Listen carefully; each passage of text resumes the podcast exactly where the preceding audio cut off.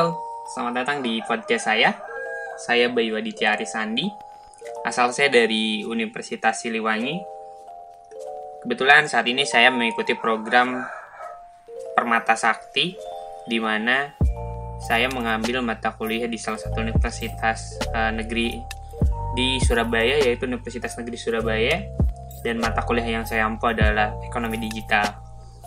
Oke, podcast saya mengambil tema 2 untuk membuat suatu model bisnis. Jadi, uh, di sini saya akan sedikit berbagi dan juga bercerita bagaimana model bisnis atau inovasi bisnis di tengah era distribusi saat ini. Baik, kita langsung saja.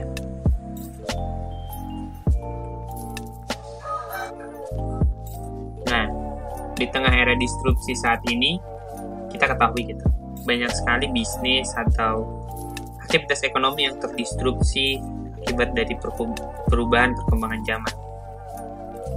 Di mana perubahan perkembangan zaman ini dibarengi dengan perubahan teknologi dari konvensional menjadi digitalisasi.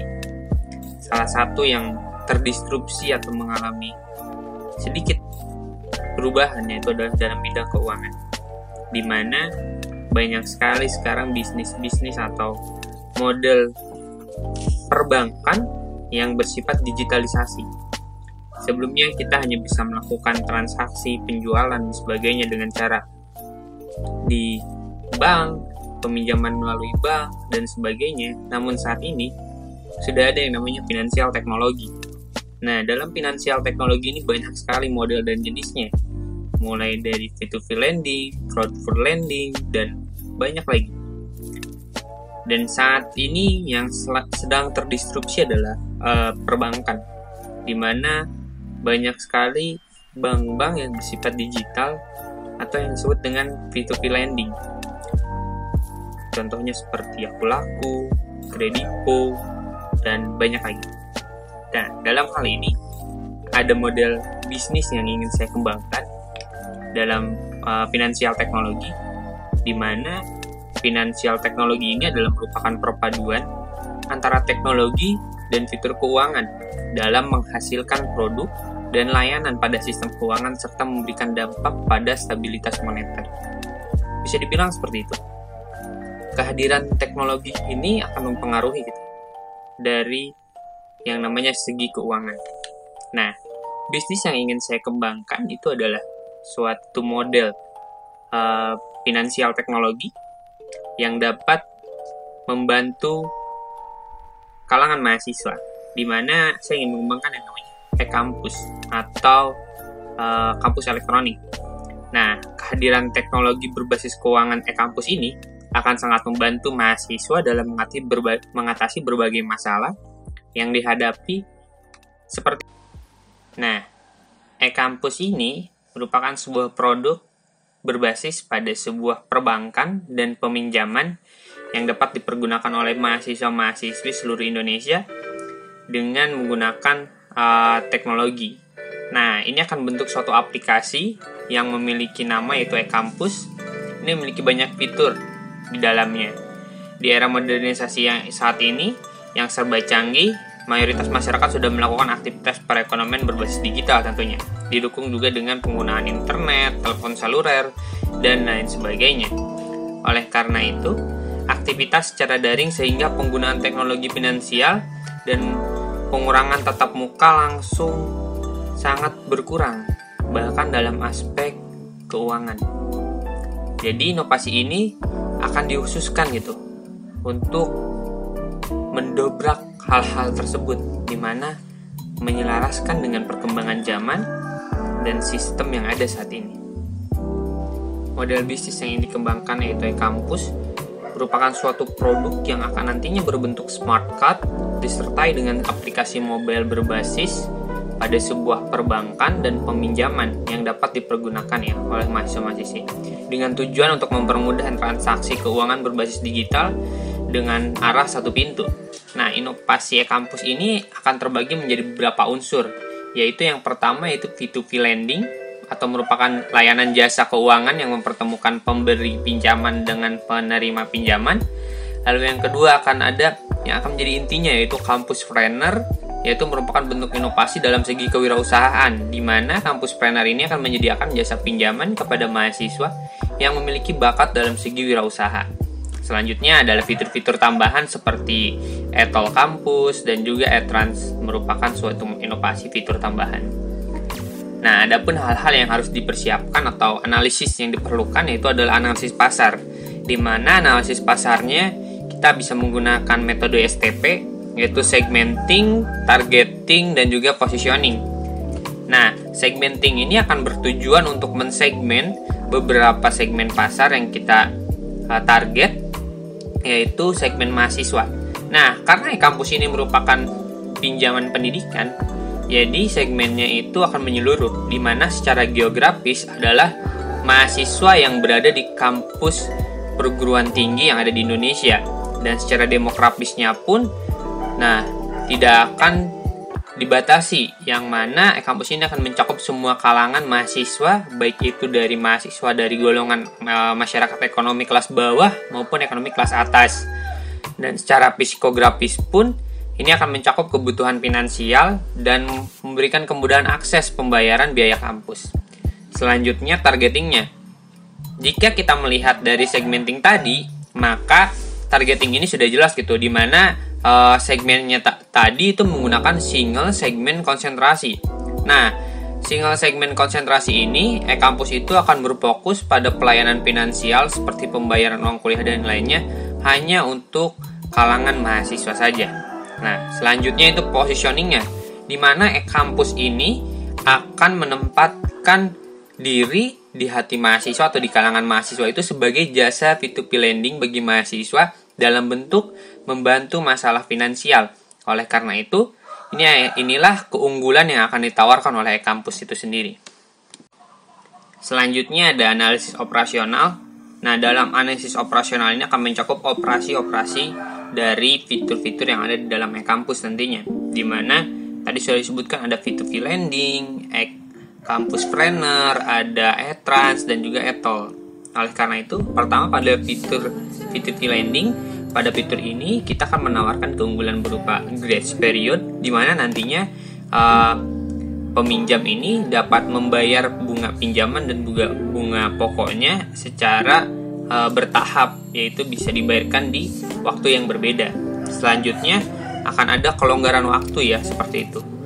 Sehingga nantinya ini tidak akan memberatkan kepada mahasiswa dan juga menjadi sebuah fitur keunggulan yang akan ditawarkan oleh bisnisnya kampus.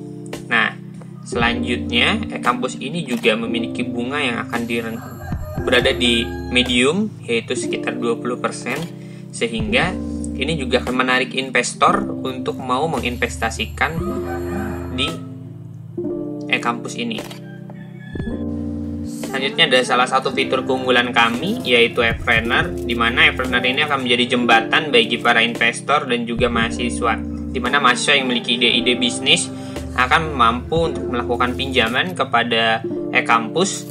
Selanjutnya akan ada investor yang mau menginvestasikan uangnya kepada e-kampus untuk mendanai program mahasiswa tersebut. Di mana ini akan menjadi suatu gebrakan untuk meningkatkan wirausaha wirausahawan muda gitu, terutama di kalangan milenial atau kalangan mahasiswa. Selain dua fitur tadi yaitu ada fitur tambahan yaitu etol dan etrans etol akan berfungsi sebagai uh, biasanya di dalam kampus itu sudah ada tol masuk nah itu bisa menjadi alat untuk pembayaran selanjutnya ada e-trans atau menjadi uh, e-transaksi di mana mahasiswa bisa melakukan pembelian seperti pulsa dan yang lainnya yang nantinya akan menjadi uh, suatu sebagai seperti ATM seperti itu.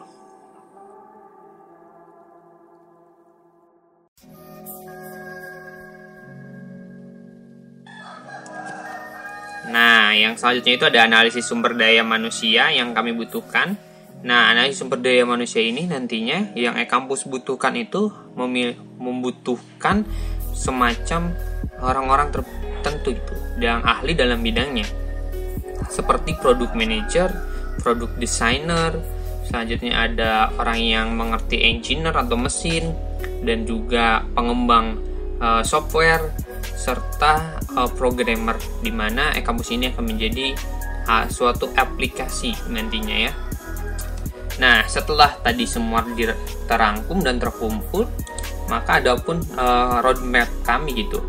Nah, uh, di mana roadmap ini pada tahun pertama e-kampus ini akan berusaha untuk ber uh, mengidentifikasi permasalahan serta untuk membangun tim dan membangun yang namanya prototype aplikasi.